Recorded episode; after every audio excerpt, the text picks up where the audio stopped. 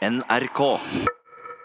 Du skal snart få møte Norges nye Instagram-dronning, Olaug Bollestad, også kjent som nestleder i KrF og landbruksminister. Hun skal bare legge ut noen bilder først. Ja, to sekunder. Yes. Nå, jeg har fått ny telefon i går, sa du. Oi. Sant? Ja, den andre ble helt svart plutselig.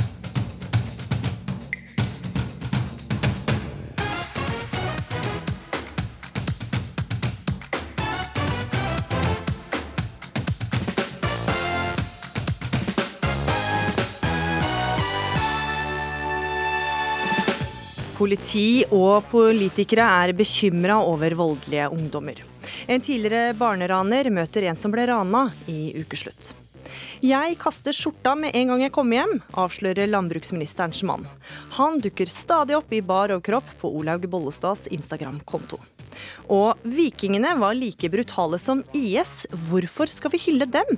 spør spaltist, som møter arkeolog til Holmgang. Ja, du hører på Ukeslutt. Jeg heter Gry Veiby. Hvordan hadde du reagert om du skulle holde et foredrag, og noen satt på første rad og snakka høyt i telefonen? Komiker Sigrid Bonde Tusvik vil ha et oppgjør med publikumsbøllene. Og snart skal du også få høre at hun som ble omtalt som Skandinavias største bedrager, skal være tilbake i Norge og svindler igjen.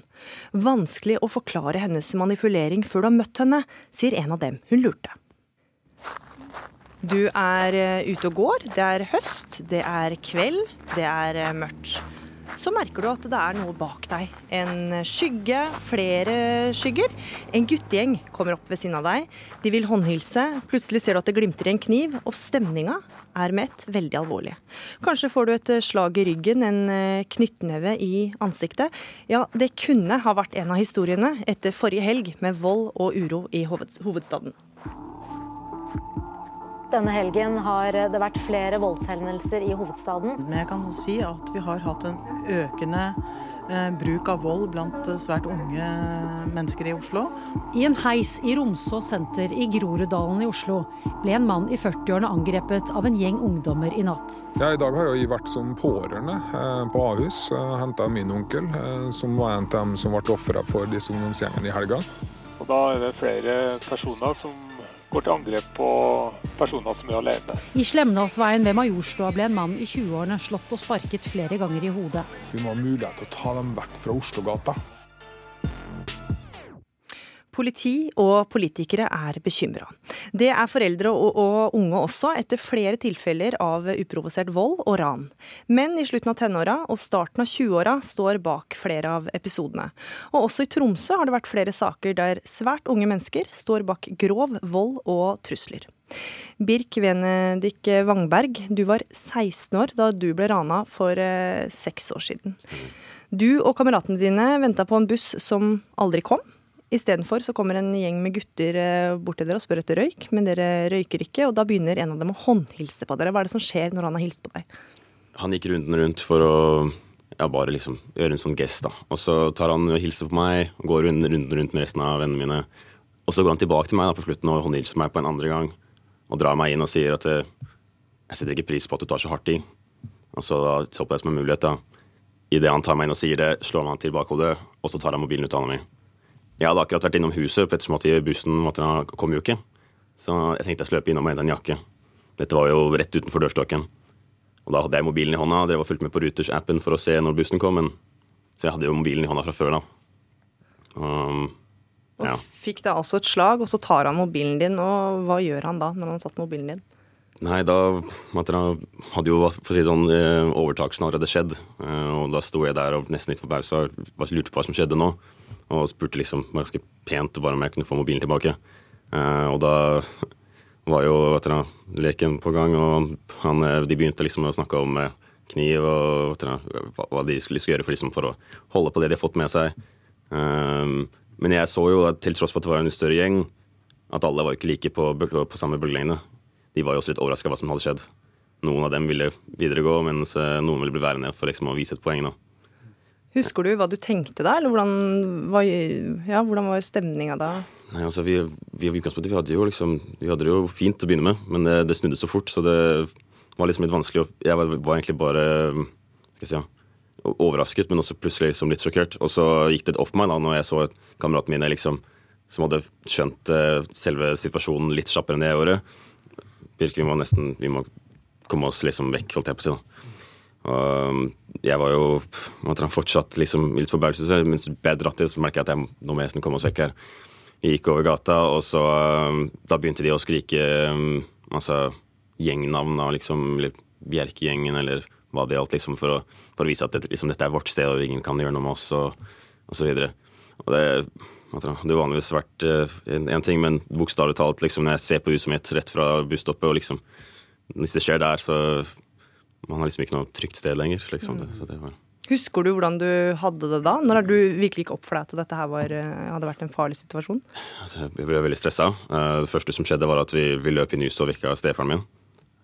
Som ble jo at han var veldig sjokkert. Og vi, vi, liksom, vi gjorde hele den prosessen med liksom å si, finne, en, finne, en, løsning, for man, man ønsker jo si, en sånn type closure. da, Få For å vite hva som skjedde der, hvem det er osv.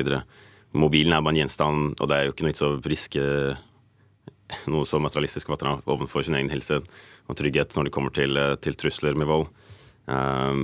Men likevel, da ble jeg plutselig litt sånn der sta av meg, da. For jeg ville jo liksom jeg ville jo komme til en beslutning. altså Hva er det som har skjedd nå?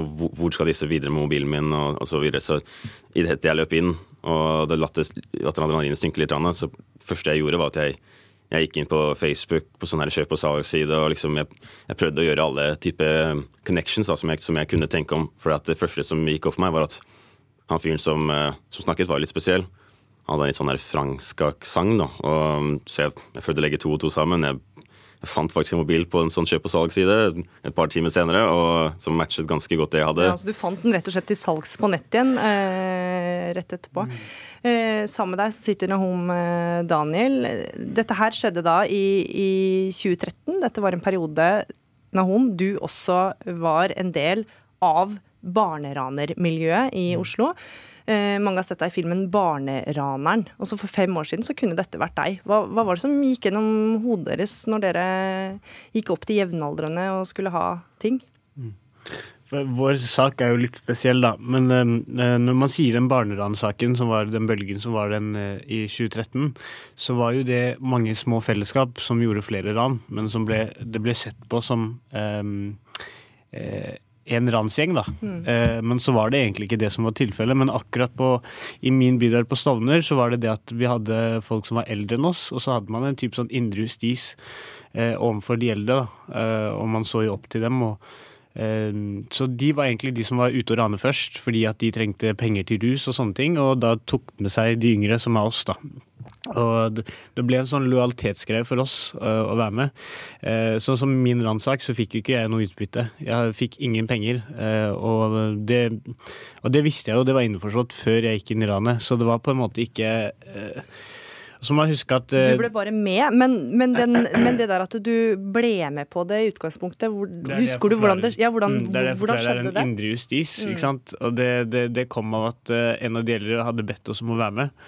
Eh, og da er det på en måte ikke, Hvis du sier nei, da, så blir du også et offer. Og det man må huske på, er at i den der ran og um, i overgriper og fornærmede uh, sakene, i ransakene, så er det mange av de som raner selv, som selv er fornærmede. Så det er et lite miljø noen ganger som begår ran mot hverandre og med hverandre. Mm. Men jeg vil jo si at det er veldig leit å høre på det du har gått gjennom, og at det er rett utenfor døra. og Eh, det er ikke sånn det skal være i det hele tatt. Men det tok jo tid da, for oss å forstå hva vi hadde gjort. Og jeg var jo 15-14 år på den tiden. Så du kunne tenke deg at min verden var veldig liten. da. Mm. Det, den var ikke større enn Haugstad, på en måte. Mm. Vangberg, nå er du voksen og du bor for deg sjøl i sentrum. Mm. Men for noen dager siden så fikk du et flashback. Det er seint, du er på vei hjem fra jobb, når du kjenner at noen følger etter deg. Hva er det som skjer med deg da? Jeg hadde akkurat gått av T-banen på Tøyen, og jeg ser på avstanden en person som går rundt og liksom liksom man planlegger et eller annet av livet og liksom spør et par folk. og et, et, ansikt jeg ser igjen flere ganger på, min, på vei hjem. Jeg stikker innom lokalen nærbutikken, og på en går ut der så ser jeg liksom en person som går foran meg, som prøver å matche mitt tempo, og ender opp med å liksom stoppe med meg da og skal spørre det samme spørsmålet som jeg hørte da for seks år siden, og så det var om jeg har en sigarett. Og plutselig bare stopper alt sammen. Jeg får sånn kjapt panikkanfall fordi at mm. Altså, dette har jeg hørt før. Um, men til tross da for at jeg, hadde en sånn tanke at dette var noe likt Han her var faktisk kjempehyggelig. Han spurte bare etter en, en sigarett. Men han hadde den der um, skal si, framgangsmåten som var litt spesiell. Uh, Vi hadde jo en liten dialog med han etterpå. Altså, egentlig Etter å ha flytta til byen så har jeg hatt, bare hatt positive opplevelser. Men det faktum at jeg går rundt og tenker sånn her ennå, det er jo Jeg syns nesten ikke er rettferdig at han får for dem jeg tenker på også, men også for min egen del at det liksom Det går seks år, men det er fortsatt noe som bare sitter inni meg. Hva, hva tenker du om det, Daniel? At det fortsatt er noe som sitter i Jeg tenker at det er veldig trist, selvfølgelig. Og det er ikke sånn at man kommer over det med en gang. Det oppleves jo helt, det er jo subjektivt hvordan man opplever det. Eh, For noen kan det være en tung påkjenning. Og jeg husker jo at vi hadde en visning for uh, ofrene i barnevernssaken. Da hadde vi liksom alle ofrene med, og foreldrene deres. Og det var da jeg først innså hva, hadde, hva vi hadde gjort, da. Eh, når pappa står der og sier 'vet du hvordan det føles at seksåringene må ligge ved siden av deg i senga om kvelden fordi han er redd for å gå ut'. Det, det, når man ser de sidene, da, Ja. det er da man forstår. Og jeg tror eh, man trenger mer sånn der kommunikasjon mellom offer og overgriper. Eh, en sånn eh, Konflikthåndteringen pleide å gjøre det før. Eh, jeg tror de fortsatt gjør det, men ikke i like stor grad. Og jeg tror det er viktig å se den siden nå, da. Og så er det også viktig å nevne, Nahom Daniel, nå er du 21 år, du er helt ute av miljøet. Men det at du har valgt å stå fram, det koster. Hva har det kosta deg? Det er jo som han beskriver nå, at han har de flashbacksene sine må, etter at han har blitt rana. Jeg har jo blitt angrepet med machete to ganger i sommer, i fjor sommer. Og det, det tror jeg er summen av alt jeg har vært med på. Og at um, jeg nå faktisk går ut og snakker om det miljøet, oppleves litt som at jeg er litt Jesus, da. Uh, og det forstår jeg jo. Uh, men eh, jo, jeg har blitt angrepet to ganger. Den ene gangen så ble bestekompisen min stukket. Det var når jeg var ferdig på kontoret på Heihusa. Og den andre gangen så var jeg på vei til maledugnad. Eh, så jeg eh, kjenner jo meg veldig i det han sier med eh, eh, flashbacks. da. Jeg føler jo også ofte at det er noen bak meg og må passe på å være litt sånn superoppmerksom. Har det vært verdt å stå fram? Eh, Jeg tror det har fortsatt vært det. Alltid vært verdt det. Jeg tror at vi må snakke om det mer. Ellers så kommer vi ikke noe sted med det. på en måte. Eh, Det hjelper ikke at politikere snakker om ting de ikke har noe peiling på. Eh, Det er vi som kommer fra miljøet som må snakke om det og fortelle flere sider av saken. Mm. Og det, fikk vi gjort litt her i Ukeslutt. Tusen takk for at dere kom, begge to. Birk Venedik Vangberg Wangberg og Nahom eh, Daniel. Bilder av seg selv med åpen munn, bilder av seg selv med mat i munnen eller med dobbelthake, bilder av ektemannen i bar overkropp. Ja, alt dette finner du om du går inn på nestleder i KrF og landbruks- og matminister Olaug Bollestads Instagram-profil. Og det er tydeligvis noe som slår an, for i en uhøytidelig gjennomgang tidsskriftet Minerva har gjort, danker Bollestad ut sexsymboler som Victoria og David Beckham i sosiale medier.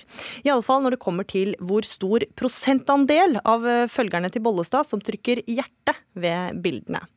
Olaug Bollestad, hvordan er det å være Norges nye Instagram-dronning, som TV 2 kaller deg?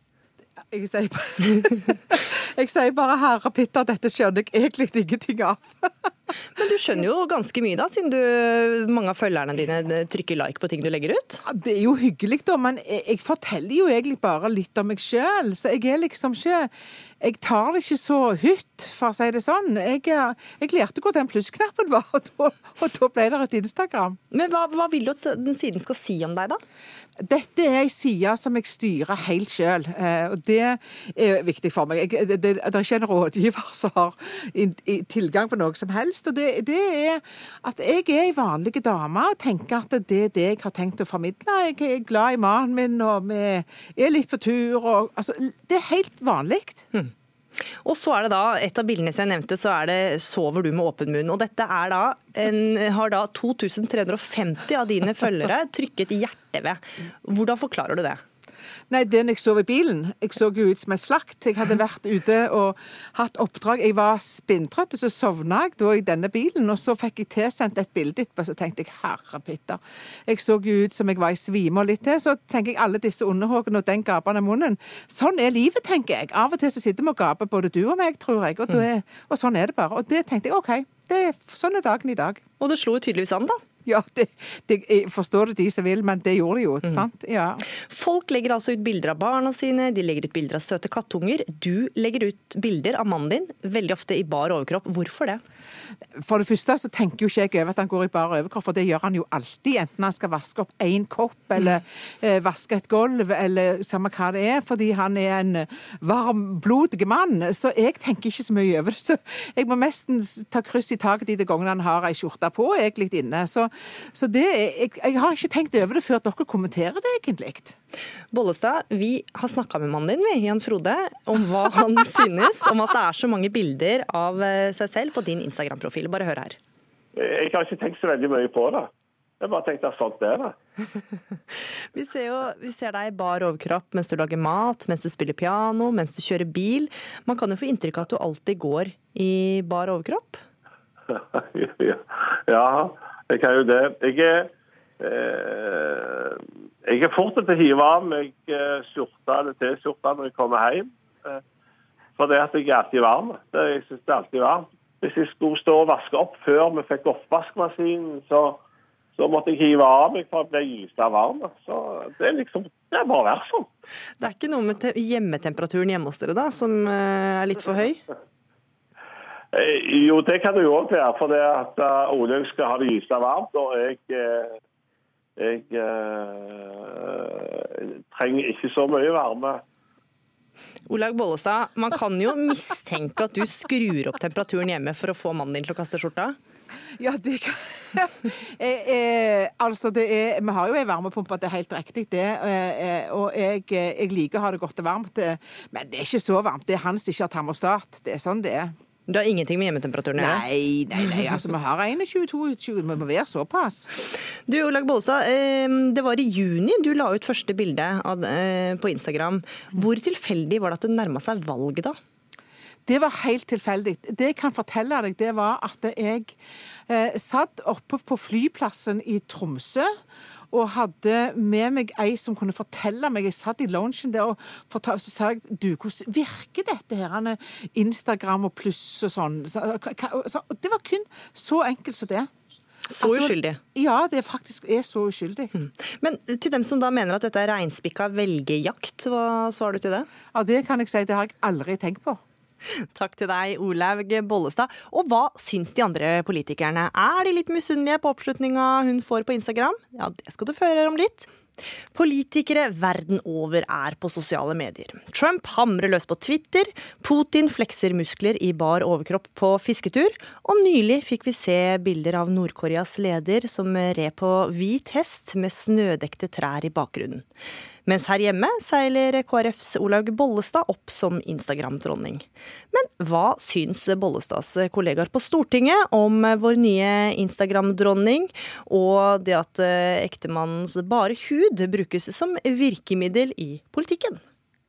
Trygve Slagsvold Vedum, fru Bollestad eh, og herr Larkin ja. har jo blitt en sosial liksom, internettsensasjon. Ja. Følger du med på Mr. Larkin og, frua? Det er jo kjempekoselig og bra hvis uh Olav, Vollestad. Eh, eh, jeg skjønte at det var ujålete og rett ut. Og det syns jeg er litt befriende, for det er altfor mye sminking på sosiale medier. Det er også særlig hennes ektemann Jan Frode med bar overkropp som har blitt eh, ja, en folkesuksess. Ja. Og så tenker jeg deg, med uante nå jorder, tilgang på traktor.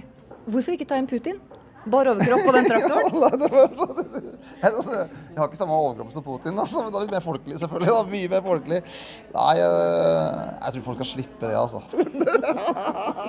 Så mitt viktigste sosiale medium, det er kaffekoppen. For det, det vil aldri gå av moten å møte mennesker. Partileder i SV, Audun Lysbakken. Um, nå har det vist seg da, at uh, Olaug Bollestad, uh, Olaug Johanna som hun heter på Instagram, har tatt helt av. Jeg har vel eh, trygt følger på Olaug, ja. Så eh, det har jo blitt et fenomen. Ja. ja. Og ikke minst hennes mann. Ja, eh, og det, jo, det viser at politikk på sosiale medier kan være så mangt, og det er jo gøy. Men nå som det har vært noen uker, du har sett eh, Mr. Larkin, hennes ektemann med bar overkropp. Eh, det er ikke noe som trigger at du Det er ikke noe dere diskuterer internt i SV nå, da? Du skulle sett på, på noen endringer? Nei, vi har ikke, vi har ikke lagt om hele SoMe-strategien ennå. Det har vi ikke. Men kan Putin? Så kan vel Audun? Ja, Spørsmålet er jo bare om eh, det er lurt her i livet å følge Putin. Der vil jeg heller følge Olaug, altså. Ja. Så det blir ikke noen bar overkropp og hest? Ikke med det første. Da må vi synke en del på meningsmålingene først. Nei, altså En uh, si, uh, personlighet som da følger meg på Instagram, er hunden min Pil, så han er med. F.eks. Uh, gikk vi med bøsse på TV-aksjonen på søndag, så det er på Instagram. Ja. Da kan du kalle den for Pil og bue, kanskje? da? ja. Nestleder i Arbeiderpartiet, Hadia Tajik. Det er litt kult at det er damene som viser vei der, eller på sosiale medier? Jeg syns det er steinbra. Og jeg syns òg at det, det, er så fint at det er ei voksen dame som Olaug, som viser en så uh, uredigert uh, side av uh, livet sitt. At hun viser at hun har humor, at hun ikke bare er en streng og korrekt politiker, men at hun er et helt menneske. Som kollega her i mange, mange år på Stortinget, ble du overrasket? Jo, jeg må innrømme at jeg ble overraska. Eh, jeg tror de aller fleste av oss holder litt igjen i offentlige sammenhenger. Jeg er på Instagram. Ehm, og jeg prøver å dele litt sånn behind the scenes-bilder. Jeg sier bare bring it on, eh, Hadia. Mer av det. For du har ikke en Mr. Larkin med bar overkropp, men du har en Mr. Christian Skard, eller Mr. Skard. ja, og jeg spør alltid pent om det er det greit at jeg legger ut dette bildet. Fine bilder fra hverdagen. Ting som gjør meg glad. Ja, og der uh, Olaug Johanna blir glad når hennes Mr. Larkin sovner med bar overkropp i bilen, litt siklende bak rattet en sommerdag. Så gir det deg glede å se Mr. Skard uh, bake brød, f.eks. Eller være med å gå på tur. Altså, det er mye dere to. Så der, der føler jeg at du kan jo ha en slags Mr. Skard-profil. Vet du hva, eh, Det er nesten så jeg eh, syns han burde ha en egen blogg eller En egen film? Ja, en, en egen film, gjerne. Jeg ble litt drevet med sengetøy og tannbørste. Hva er gærent, sier jeg bare. Men er det Jeg håper ikke jeg har lagt ut et sånt bilde. Her må vi gå noen runder i familien, tror jeg. Eh, men jeg må innrømme det at jeg tenker hver gang at er dette et bilde jeg tåler å se på trykk i en eller annen avis? Er dette et bilde jeg tåler at blir diskutert seinere? Og hvis svaret på det er nei, så deler jeg det ikke. Og reporter her var Synnøve Svabø. Du hører på Ukeslutt. Fortsett med det. Det kunne gått helt galt da en barnevogn med tvillinger ble meid ned av en mann som kapra en ambulanse i Oslo tirsdag. Pål Lystad tok en helt avgjørende beslutning som stoppa mannen i bilen. Jeg og min kollega Bjørn Bjørland vi ser på hverandre. Eh, der kommer han, sier jeg. Vi, vi, tar, vi, vi er enige, og så bare kjører jeg imot mot han, da. Og Oh my God, strong men! That conquered the world! Go Vikings! Var vikingene sterke menn som erobra verden, eller iskalde drapsmenn? Vikingdebatt i ukeslutt straks. Hvis bilen hadde truffet litt annerledes, hadde det gått galt med oss alle. Ja, Det sa tvillingmora til NRK, som denne uka opplevde at en kapra ambulanse i full fart sneia borti barnevogna til eh, de to syv måneder gamle babyene hennes. Babyene er nå lettere skada og har kommet hjem fra sykehus. Men det kunne gått verre om ikke ambulansen hadde blitt stoppa. Vi skal bli med i bilen til han som til slutt klarte å gjøre nettopp det.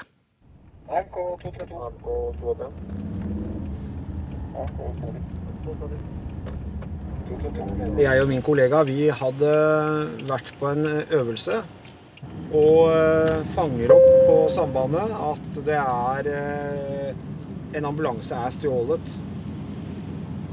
Vi skjønner jo at det er ille i seg selv når en ambulanse blir stjålet, og at det kan eh, bidra til villmarksferd med blålys og sirener.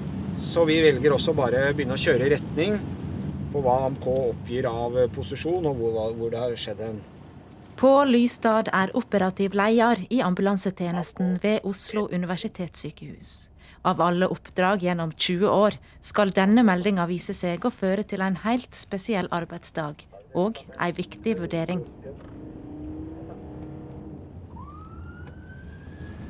Om lag samtidig med at Lystad oppfatter meldinga, er en ambulanse i full fart på vei nedover Sandaker og Torshov i Oslo. Litt før har en mann som først kjørte av veien i sin egen bil, trua ambulansepersonellet som kom til stedet for å hjelpe. Han kaprer ambulansen, og en ti minutter lang og svært dramatisk kjøretur er i gang. Det skrensa frem og tilbake så det ula i dekka nedover her. Plutselig så bare drar han rett over her. Der kommer en dame som har med barnevogn her. Og pang, sier hun, og drar midt over det skiltet så det spruter bildeler nedover hele gata her.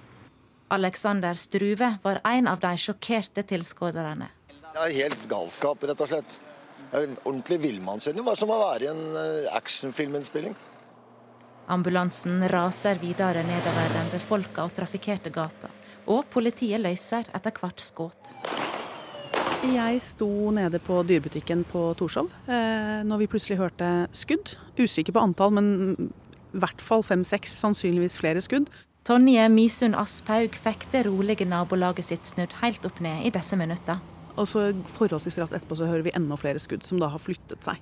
Vet jo ikke på dette tidspunktet at det er politiet som, eh, som skyter. Eh, og min første reaksjon når jeg får roa meg litt ned, er å ringe til skolen. Fordi jeg har barn på skolen i nærheten og ønsket å sørge for at eh, Klokken var jo ja, kvart på ett. Ønsket å sørge for at skolen ikke sendte elevene hjem. Så langt denne tirsdagen har ingen klart å stoppe mannen. Men nå er Pål Lystad og makker Bjørn Bjelland rett i nærleiken. Ja, vi kommer oppover her. Skjønner at bilen er like i nærheten av oss. Vi skrur av blålys og sirener for å, for å ikke vekke noe særlig oppmerksomhet. Akkurat her omtrent her så skrur vi av blålysene. Vi hører at en barnevogn har tatt der oppe, og i samme moment så ser vi bilen kommer inn her på vår høyre side. Så kommer bilen rett mot deg. Vi forbereder oss egentlig på at dette vil bli en sammenstøt. Han vringer opp her til høyre og henholdsvis venstre. Og vi kommer over her, og jeg velger å prøve å ta den på en mest mulig skånsom måte, men samtidig så vi får stoppa bilen.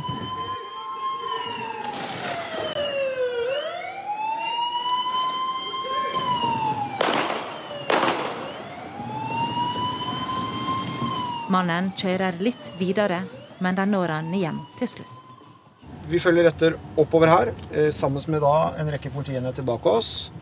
Og over her, hvor han her eh, blir tatt igjen av eh, vår bil. Og på nytt dytta til i, bak, slik at han skrenser over og blir stående i dette portrommet her. Hvor da politiet kommer til og får pågrepet gjerningsmannen. da. Så eh, her får vi stoppa ferden. Hva konkret eh, sier dere til hverandre idet dere tar den beslutningen eh, om å styre inn for å prøve å stoppe den? Jeg og min kollega Bjørn Bjørland vi ser på hverandre. Eh, der kommer han, sier jeg. Vi sier noe sånt som vi, vi, tar, vi, vi er enige, og så bare kjører jeg imot mot han, da.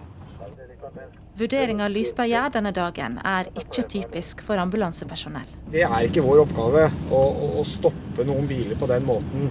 Klart, det er, det er ingen dagligdags greie, og det sitter langt inne å gjøre det jeg gjorde, men eh, i dette tilfellet så mente jeg at dette var høyst nødvendig. Ja, og det var eh, reporter Andrea Kvamme Hagen som kjørte i ambulanse med Pål Lystad. Den 32 eh, år gamle gjerningsmannen er eh, sikta for drapsforsøk, befatning med våpen og oppbevaring av narkotika. Hun er blitt omtalt som Nordens største bedrager, og i snart 30 år har hun reist rundt og svindla folk hun møter på sin vei. Nå skal hun være på Vestlandet, noe Arbeiderpartipolitikeren Torbjørn Vereide fikk erfare denne uka. Hun var nemlig kreftsjuk og hadde blitt sendt med ambulanse i hu og hast til sykehuset i Førde. Det som hun var oppskaka og oppgava over, det var det at hun på kvelden hadde, sent på kvelden hadde blitt skrevet ut av sykehuset. Og da uten lommebok, siden hun ikke hadde den når hun besvimte på gata og ble sendt med sykebil. Eh, og da var hun litt eh, Det syntes hun var utrolig dårlig. For hun hadde måttet ordne seg overnatting på campingen selv om hun ikke hadde penger. Og så lurte hun på om dette var noe som man fra politisk hold kunne gjøre noe med. Ja, og 500 kroner fattigere og et Google-søk seinere, så skjønte Væreide at det var Marie Madeleine Larsen han skal ha møtt. Larsen har blitt dømt for mer enn 100 svindelsaker og har eh, sona flere år i fengsel. Øyvind Mæland, du er pensjonert eh, prest, og du er en av dem som har blitt lurt av Marie Madeleine Larsen. Hva var det som skjedde med deg? Ja, det skjedde ganske tilfeldig og veldig sånn intuitivt hyggelig. Jeg fikk en telefon fra klokken i Lambertseter kirke om jeg var på vei til kirken den dagen. Det var like før jul, så Mye forberedelser skjedde jo hjemme også med prekener og alt sånt noe. Ja, det var jeg, sa jeg. Jo, der kom det en hyggelig dame, sa hun, som bedt om å få samtale med deg. Ja, så er det om ti minutter, jeg sitter allerede i bilen. Så kom jeg jo dit, da, og presentert for denne damen. Hun var jo en elegant dame, følte seg veldig flott. Så var sånn litt feiende flott vesen å se til. Så hun ble vist inn på kontoret mitt, og vi satt der og pratet sammen en stund. Det vil si ganske lenge. Jeg ble et par ganger avbrutt. Det var ikke avtalt den gangen, men det ble avtalt senere. For spørsmål fra klokkeren og organist og Vi var jo like før jul, ikke sant? Og så ble det avtalt samtale med henne igjen bare etter to dager. Da kom hun tilbake. Var like feiende flott i måten å være på. Veldig godt oppdatert. Kunne veldig mye om meg. og Hvor han hadde fått det fra, vet jeg ikke. At jeg var prest i Sverige, hvor jeg hadde vært hen. At jeg hadde en slager om et mor. At hun var på jakt etter ved. For det var så kaldt. Vi hadde jo panelovner, men også vedovner. Hun visste utrolig mye. Og det gjorde meg ikke så mye imponert, det gjorde meg mer mistenksom. Ja, For da begynte det å skurre at her Ja. var det noe som ikke stemte helt. Her var det noe som ikke stemte. Og hun fikk eh, penger. Ja, neste gang vi skulle møtes, eh, før neste gang vi skulle møtes, så ringer hun og sier hun skal til frisøren, men har glemt pengene, i lommeboken i, i bilen til, til sønnene, sa hun. Og så om hun kunne gi henne 800 kroner, skulle møtes på T-banestasjonen på Munklia. Jo da, jeg ga henne 800 kroner på Munklia, jeg. Hmm. Så da Det var det. Men så var jeg hos min fett, tremning i Fettsund og fikk med meg mye ved derfra. Men da jeg kom hjem, så kom jeg hjem til et hus sent på kvelden med masse ved. Utrolig mengde ved. Og den bilen som holdt på å levere veden, sto der fremdeles. Så jeg parkerte oppe veien, gikk ned til huset og spurte unnskyld, men jeg har ikke bestilt noe ved. Mm. Nei, det er en gave. Fra hvem, spurte jeg. Jo, det var Mia Larsen. For det var det hun kalte seg da, Marie Madeleine Ja, Larsen. Og da hadde hun bestilt ved til deg eh, uten å betale for seg da også. Jeg spurte, for jeg da begynte jeg å bli mer mistenksom, er denne veden betalt? Det var en litauisk sjåfør, jeg vet ikke om han skjønte av spørsmålet, jeg prøvde på engelsk også, men han svarte ja og nikket. Ja vel, merkelig, tenkte jeg. Mm. Neste dag får jeg bare høre at tilsvarende vedmengde er kjørt opp til Lambertseter kirke. Og hva var det som hadde skjedd? Hadde hun faktisk betalt for denne veden? Nei. Nei. Altså, det er noen som kanskje har hørt om eh, denne damen, som eh, siste navnet er da altså Marie Madeleine Larsen, eh, som kjenner eh, podkasten 'Kvinnen med den tunge koffert'. For det var navnet hun fikk eh, da den danske avisen Politiken lagde eh, om hennes historie. Og De fulgte ferden hennes gjennom Danmark og klarte til slutt å konfrontere henne. Du skal høre hvordan det gikk da journalist eh, Christer Moltsen med skjult mikrofon plutselig står overfor eh, Larsen. Jeg har i lang tid gjerne ville se henne arbeide helt tett på. Jeg har pendlet i 24 år mellom Oslo og Hun glider direkte inn i rollen, og hun spiller den perfekt. Det er første gangen det har gått galt. Jeg heter Maria, forresten. Ja, jeg hedder Christer. Hyggelig, Goddag. hyggelig, Goddag. å hyggelig deg. Hvis jeg ikke havde vidst med 100% sikkerhed, at det hele er noget, hun står og finder på, så har jeg aldrig været et sekund i tvivl om, at jeg stod foran en norsk læge med et venligt og myndigt blik, der er havnet i en uheldig situation. Og så mine nøkler lå også der. Alle, så jeg, har ingen, jeg kan ikke gå her og sove. Og så, og så skal jeg opp til Oslo nå, og helst på arbeid i morgen. Og så står jeg her nå, og så tenker jeg, hvordan kommer jeg opp? Lægen har mistet sin punkt, mobiltelefon og nøgler i toget. Peter eh, Dotland, du var med på å lage denne podkasten for Third Year for politikken. Hvor typisk er den historien vi hører her, som hun forteller kollegaen din? Hun har mista nøkler, hun har mista lommebok. Ja, hun er veldig god på, å, på noen få detaljer, eh, og gjerne litt sånn lokal eh, kjennskap. Eh, det kan være et, et navn. Eh? Eh, For å gjøre seg troverdig hvor enn hun kommer. Eh, og så ender det jo gjerne, som i Øyvind sitt tilfelle, med at man blir lurt for et mindre beløp. Ofte en femtilapp, 200 kroner. Helt, helt små summer. Mm. Og, og, vi har jo hørt uh, Øyvind Mæland fortelle men uh, at hun var en sjarmerende og hyggelig og velkledd dame. Hva, av andre ting er det folk forteller om henne, Dotland? Ja, jeg har ikke møtt henne selv i aksjon. Uh, men, men, du traff jo folk... mange som har møtt henne under hennes ferder? Ja. de forteller det samme som Øyvind, at hun er Eh, velartikulert, en pen dame. Kler seg pent, eh, har et godt språk. Sjarmerende. Eh, er det ordet som, som går igjen. Um, mm. Øyvind eh, Mæland, det var denne veden, det var disse småpengene. Du skjønte at ting skurra. Fikk du tatt et oppgjør med henne, eller fikk du noen gang konfrontert henne? Nei, mm, ikke helt, men nesten. Eh, det skjedde nemlig slik at en av organistene hadde gjenkjent henne. Eller organisten hadde gjenkjent henne, og man hadde hørt om henne og sett om henne og lest om henne tidligere. Og advarte meg. Så neste gang hun kom, etter V-prosjektet, så måtte jeg bare takke henne for V-en og spille rollen godt. Mm. For da visste du at ting var gærent? Mm. Da visste jeg, var jeg helt sikker på at ting var gærent. Mm. Og jeg bestilte da veldig mange avbrytelser, for jeg visste også at hun ville veldig gjerne anmelde meg for et overgrep, antagelig. Mm. Og så måtte hun ikke få så veldig mye rom for meg alene. Det er jo ikke sånn man gjør til vanlige konfidensielle samtaler. Man bestiller alt annet enn avbrudd. ikke sant? Men jeg bestilte avbrudd og fikk det regelmessig hvert tiende minutt cirka. Mm. I halvannen time.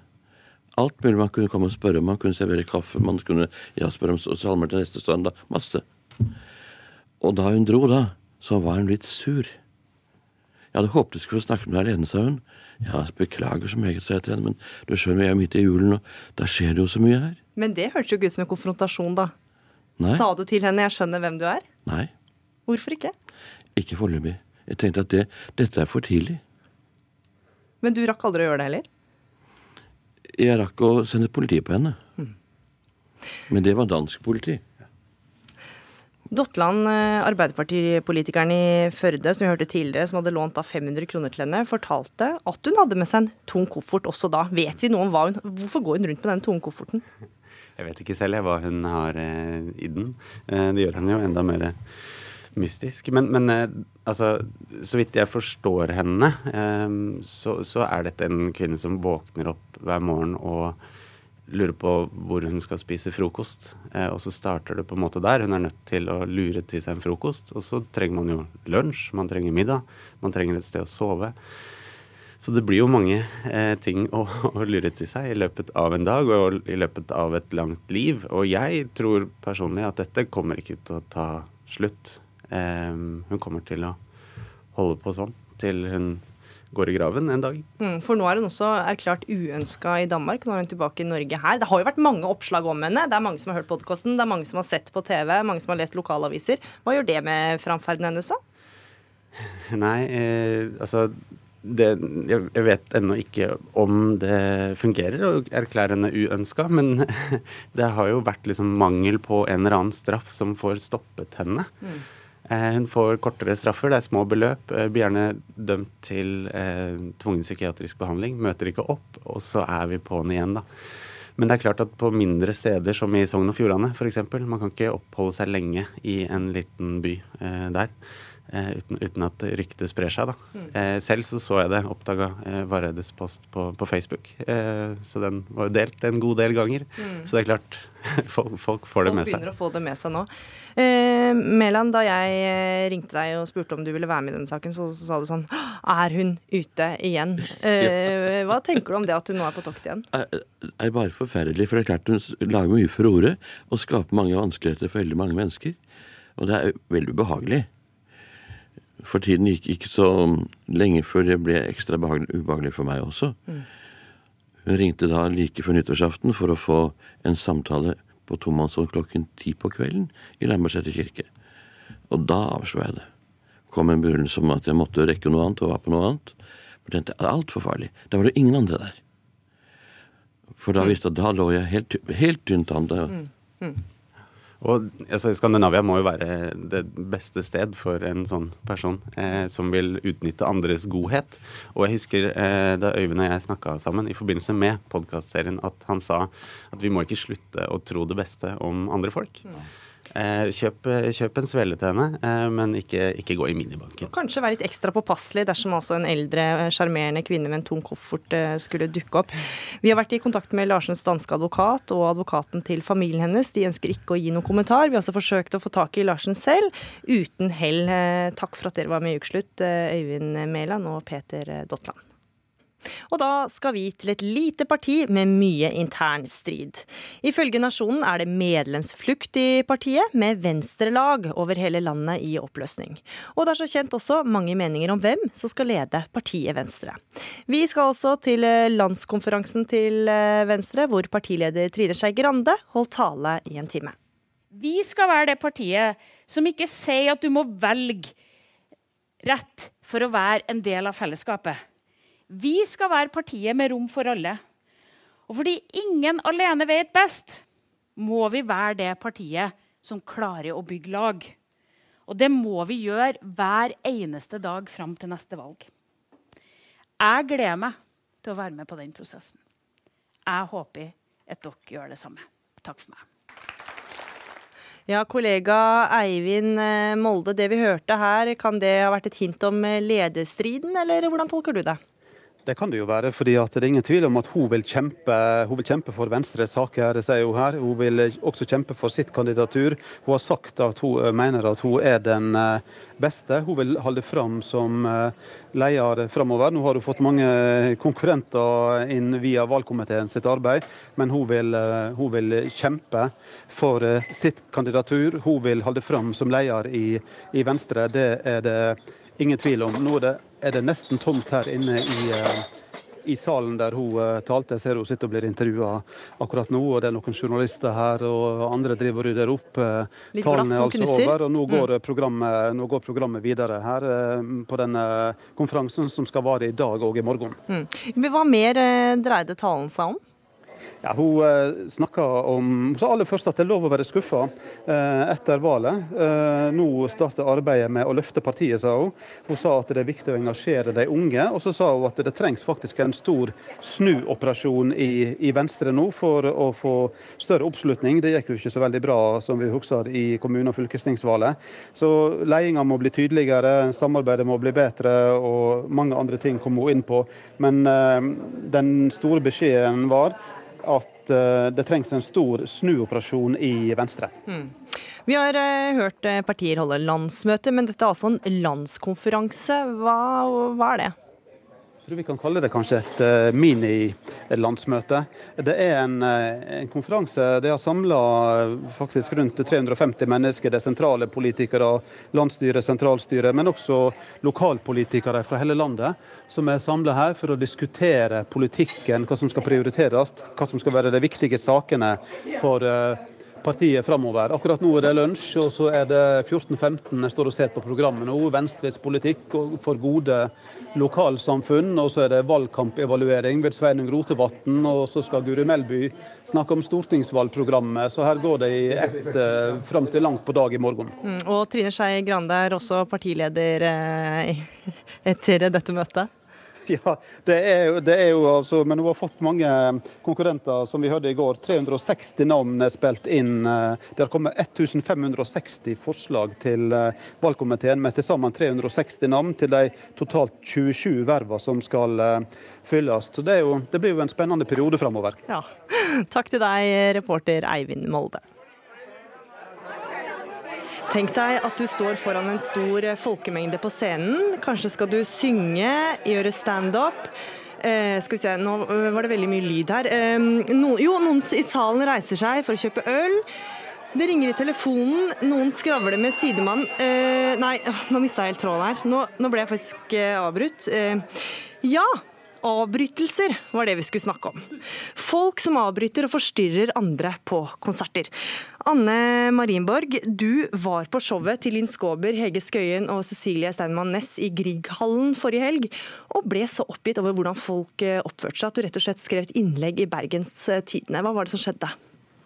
Ja, altså, Settingen her, jeg syns at den er litt viktig. Og det er at vi kjøpte billetter i november i fjor. Så da har man god tid, og man har gledet seg lenge. Sant? Og så tar man på seg litt pene klær, som man ofte gjør når man skal på sånn show. Man spiser en god middag, og man gleder seg skikkelig. Og så opplever jeg at folk For det første så var det mange seter foran oss som var ledige når vi kom. Showet skulle begynne klokken 19.00, men de begynte 1910 sånn cirka. Og det tror jeg var litt for at folk skal få tid til å komme inn og sette seg og sånn, og det er helt ålreit. Men likevel så var det altså mange som kom midt i åpningsnummeret, sånn ja 20 minutter etter at det egentlig skulle ha begynt, altså sånn ti på halv åtte og sånn.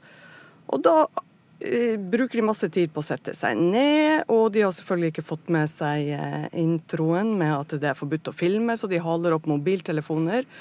Og dette var første gang som jeg virkelig reagerte på bruk av mobiltelefoner på konsert. fordi at Ellers har jeg vært på utendørskonserter, og det er i Norge så er det på sommeren, sant? og det er lyst og sånn.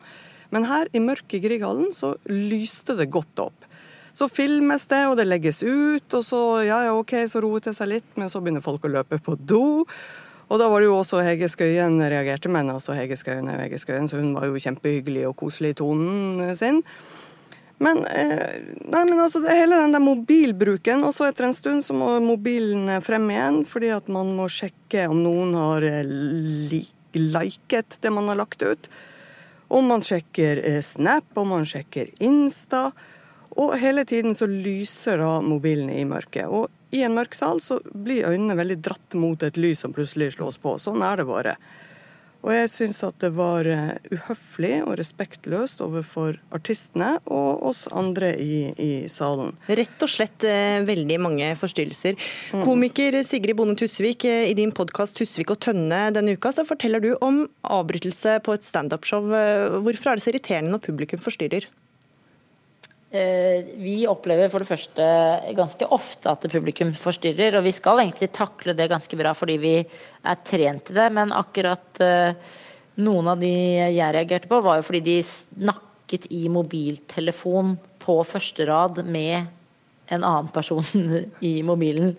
Eh, og da mister du fokus når du Du skal jo tenke, du skal jo si Altså tempoet ditt og takten din i standup-settet ditt blir jo helt ødelagt.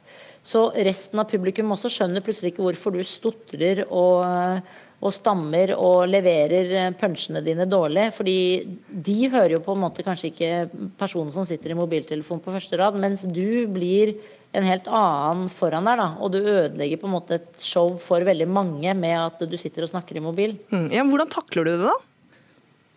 Jeg taklet det veldig dårlig, vil jeg si Eh, og mannevondt eh, akkurat eh, den dagen. Fordi jeg reagerte også på at det var jo et firma på en måte da, som satt flere kollegaer bortover raden.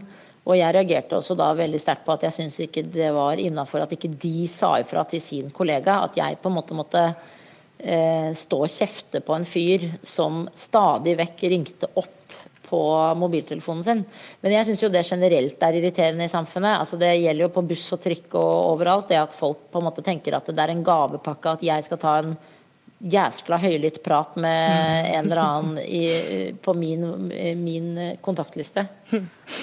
Samfunnsdebattant Susanne Aabel, du anmelder ofte konserter, og sitter derfor med telefonen lysende i mørket og skriver eh, notater. Hva slags reaksjoner får du på det? Det er lurt å stå bakerst og være tyst og skrive og titte opp. Men eh, f.eks. på Sentrum Scene i Oslo så er det jo et galleri hvor du kan sitte. Og jeg ble jo veldig, veldig brydd og litt sur samtidig, for det er den kombinasjonen som bare popper opp samtidig. Da jeg ble rettesatt av en jeg satt ved siden av. Og det var en rockekonsert, og det gikk fort. Og eh, jeg så liksom ikke Jeg satt liksom og prøvde å, å dekke mobilen litt, og så skrudde jeg ned lyset. Men jeg satt jo med når jeg tenkte på det underveis, at det kan hende det her er irriterende. Og så sa han er du nødt til å sitte med den eh, på hele tiden? Og så smatt jeg den i lomma og sa nei, nei, nei, nei unnskyld og beklager. Og så ble jeg sur, og tenkte så sur han var.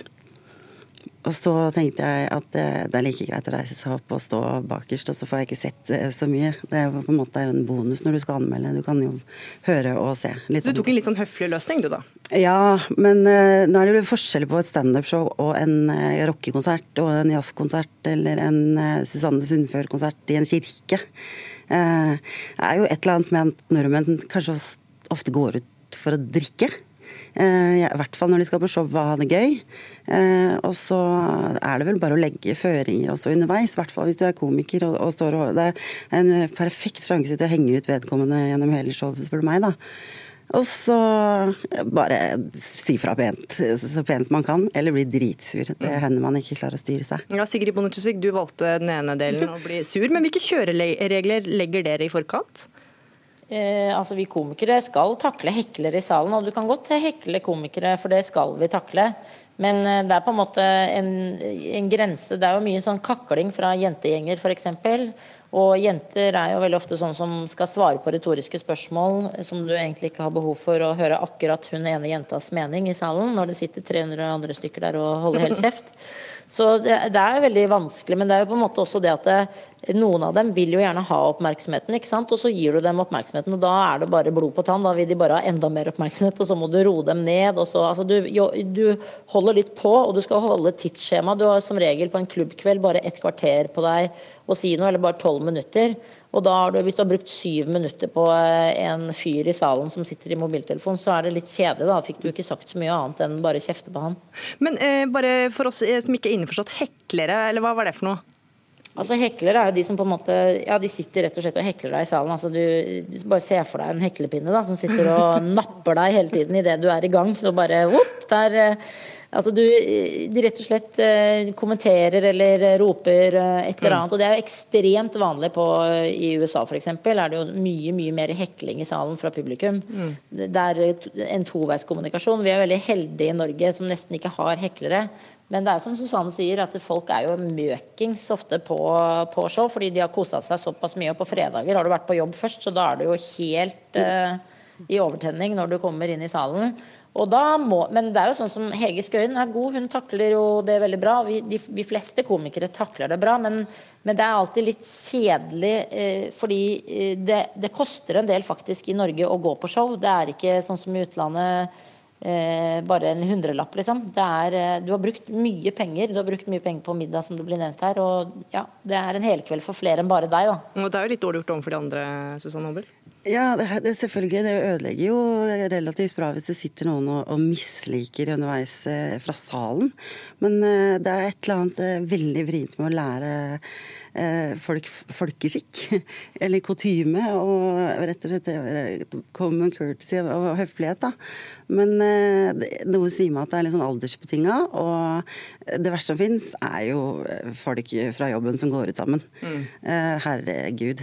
Sånn at der tror jeg løpet er kjørt. Men jeg tenker legge føringer, sånn at de som kjøper billetter, vet at det er å foretrekke at man ikke flyr opp og ned. Det jeg tror jeg fikk beskjed eh, på Latter om at man ikke skulle gå på do underveis i showet. faktisk. Men man kan jo kjøpe øl der, eh, Tusvik, og det gjør jo at folk blir eh, både mer lette til sinns og må tisse mer, selv om de ikke har lov til ja, å gå på do. Vi, vi, tåler veldig godt at folk både er fulle og, og, og bråker egentlig generelt. Og, altså det er god stemning i Norge, så er, sånn sett skal man ikke klage på at at vi er fulle. fordi det verste en komiker vet, er en edru sal. Så det skal man ikke Man skal ikke si at man vil ha det motsatte. Men det er jo mer og mer vanlig da, når store komikere kommer på besøk fra USA f.eks., så må du legge mobiltelefonen din i eh, taske og låse den. Eh, og du får ikke lov til å filme. Det, er sånn, det blir mer og mer vanlig at man må nekte folk å rett og slett filme eh, og legge ut og alt mulig. Men Tusvik og Tønne f.eks. har jo mobilpåbud. Vi har mobilpåbud på vi krever at folk skal filme, f.eks. Vi liker veldig godt at uh, Fordi vi har veldig unge fans. Så vi, vi, liksom, vi har tenkt det motsatte. Vi har bare mm. tenkt uh, alt vi sier skal bare pumpes ut, og vi skjønner den generasjonen som gjerne vil filme ting, da. Marienborg, helt til, helt til slutt her. Uh, har du latt deg inspirere nå? Kommer du til å irettesette neste gang?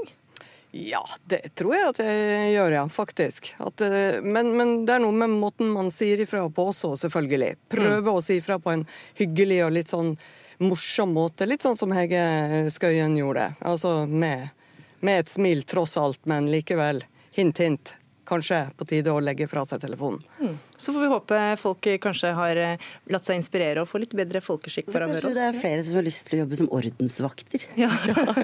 det kan være straff. Ja. ja, ja, det kan være straff for å oppføre seg som et fjols. Susanne Aabel, Sigrid Bonde Tusvik og Anne Marienborg, takk for at dere var med i Ukeslutt. Trodde du det bare var i TV-serien Beforeigners at vikinger løper rundt i dagens Norge? Å nei da, for hver uke samles nemlig flere vikinger til kamptrening. Med spyd, øks og skjold kjemper de hærkamp, slik de ser for seg at vikingene gjorde det for over 1000 år siden. Reporter Linn Beate Gabrielsen troppa opp hos eh, vikingene uten verken spyd eller brynje. Så der er jeg, og så kan jeg ta plukke opp skjoldet mitt. Ta det i en hånd, og så har jeg et spyd her. Som jeg kan slåss med. Og her har du en ja, øvre middelklasse viking, vil jeg si. Ole Magne Refsal har langt rødt hår og stort skjegg og vennlige brune øyne. Han har på seg en krapprød kjortel, har sydd selv og reparert flere ganger. Jeg er øvre middelklasse fordi jeg faktisk har et sverd. Det er en fryktelig status. Jeg har kraftige og fine farger på klærne mine. Eh, det er også et statussymbol. Eh, jeg har mye ull, som er dyrt. Nå er du, du er godt rusta for kamp nå? Jeg er ganske godt rusta for kamp.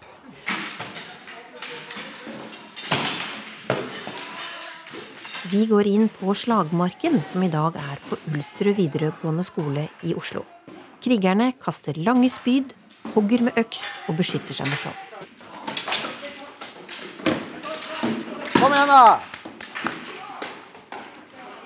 Sverd og skjold, det er jo en guttedrøm. Og jentedrøm. Det er en ting jeg har lyst til å påpeke her. Nå Hvis du ser utover her, så er vi nå 20 stykker. Og det er eh, sju jenter som er her og slåss. Det gjelder å treffe motstanderne i bestemte treffområder i kropp, lår og overarmer. Treffer du en annens hode, har du tapt. Det er fantastisk. Og så blir man sint, og så blir man skikkelig forbanna. Noen ganger kaster man våpenet i bakken og skriker fordi man blir så frustrert fordi det går til helvete.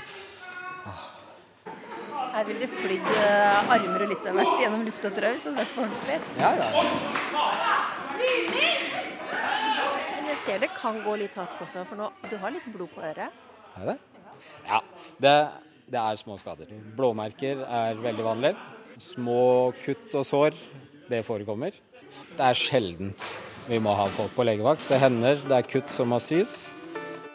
Disse trener hver uke for å møtes til store slag om sommeren med vikinger fra hele Europa. Eh, De største slagene er jo gjerne i, i Danmark, på Mosgård og Trelleborg om sommeren. Og da reiser vi på et marked hvor alle er i Viking. Det er kanskje oppi en tusen vikinger der. Og en fire-fem, oppi 600 krigere som møtes på ett slagfelt. Og så slåss vi med den kampstilen som vi ser her. Eh, store slag. Og da er det viktig å ha på seg et fullt sett med vikingklær. Som han får helst ha sydd sjøl. Kjortel, bukser, leggsuringer, skinnsko, beskyttelsesutstyr, våpen. Vestfold har fått kritikk for å ville profilere seg som vikinghovedstad av en spaltist som mener vikingene ville vært vår tids IS-krigere. Det har ikke Ole Magne Refsdal noe problemer med. Ja, jeg syns det er eh, greit. Det er ikke som om vi ikke har gjort oss noen tanker om de negativene rundt, tingene rundt eh, vikingene og hva de drev med. Selv om vi ikke kanskje skal være stolt over alt de gjorde, så, så er det jo lov å være stolt over noe av det, ikke sant? Ja. Så er det noe med den, den distansen. Det er helt naturlig at når du blir så langt unna, så er det lov til å si at nå så er vi moderne mennesker med moderne verdier, mye sympati og empati, som syns det er fryktelig spennende og tøft med litt vold som underholdning.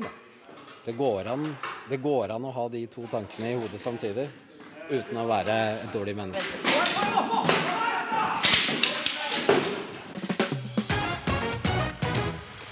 Og med det er ukeslutt eh, slutt. Ansvarlig for eh, sendinga, det var Kari Li. Det tekniske ansvaret hadde Eli Kyrkjebø. Og her i studio, Gry Veiby, som eh, takker for følget og ønsker deg en god lørdag.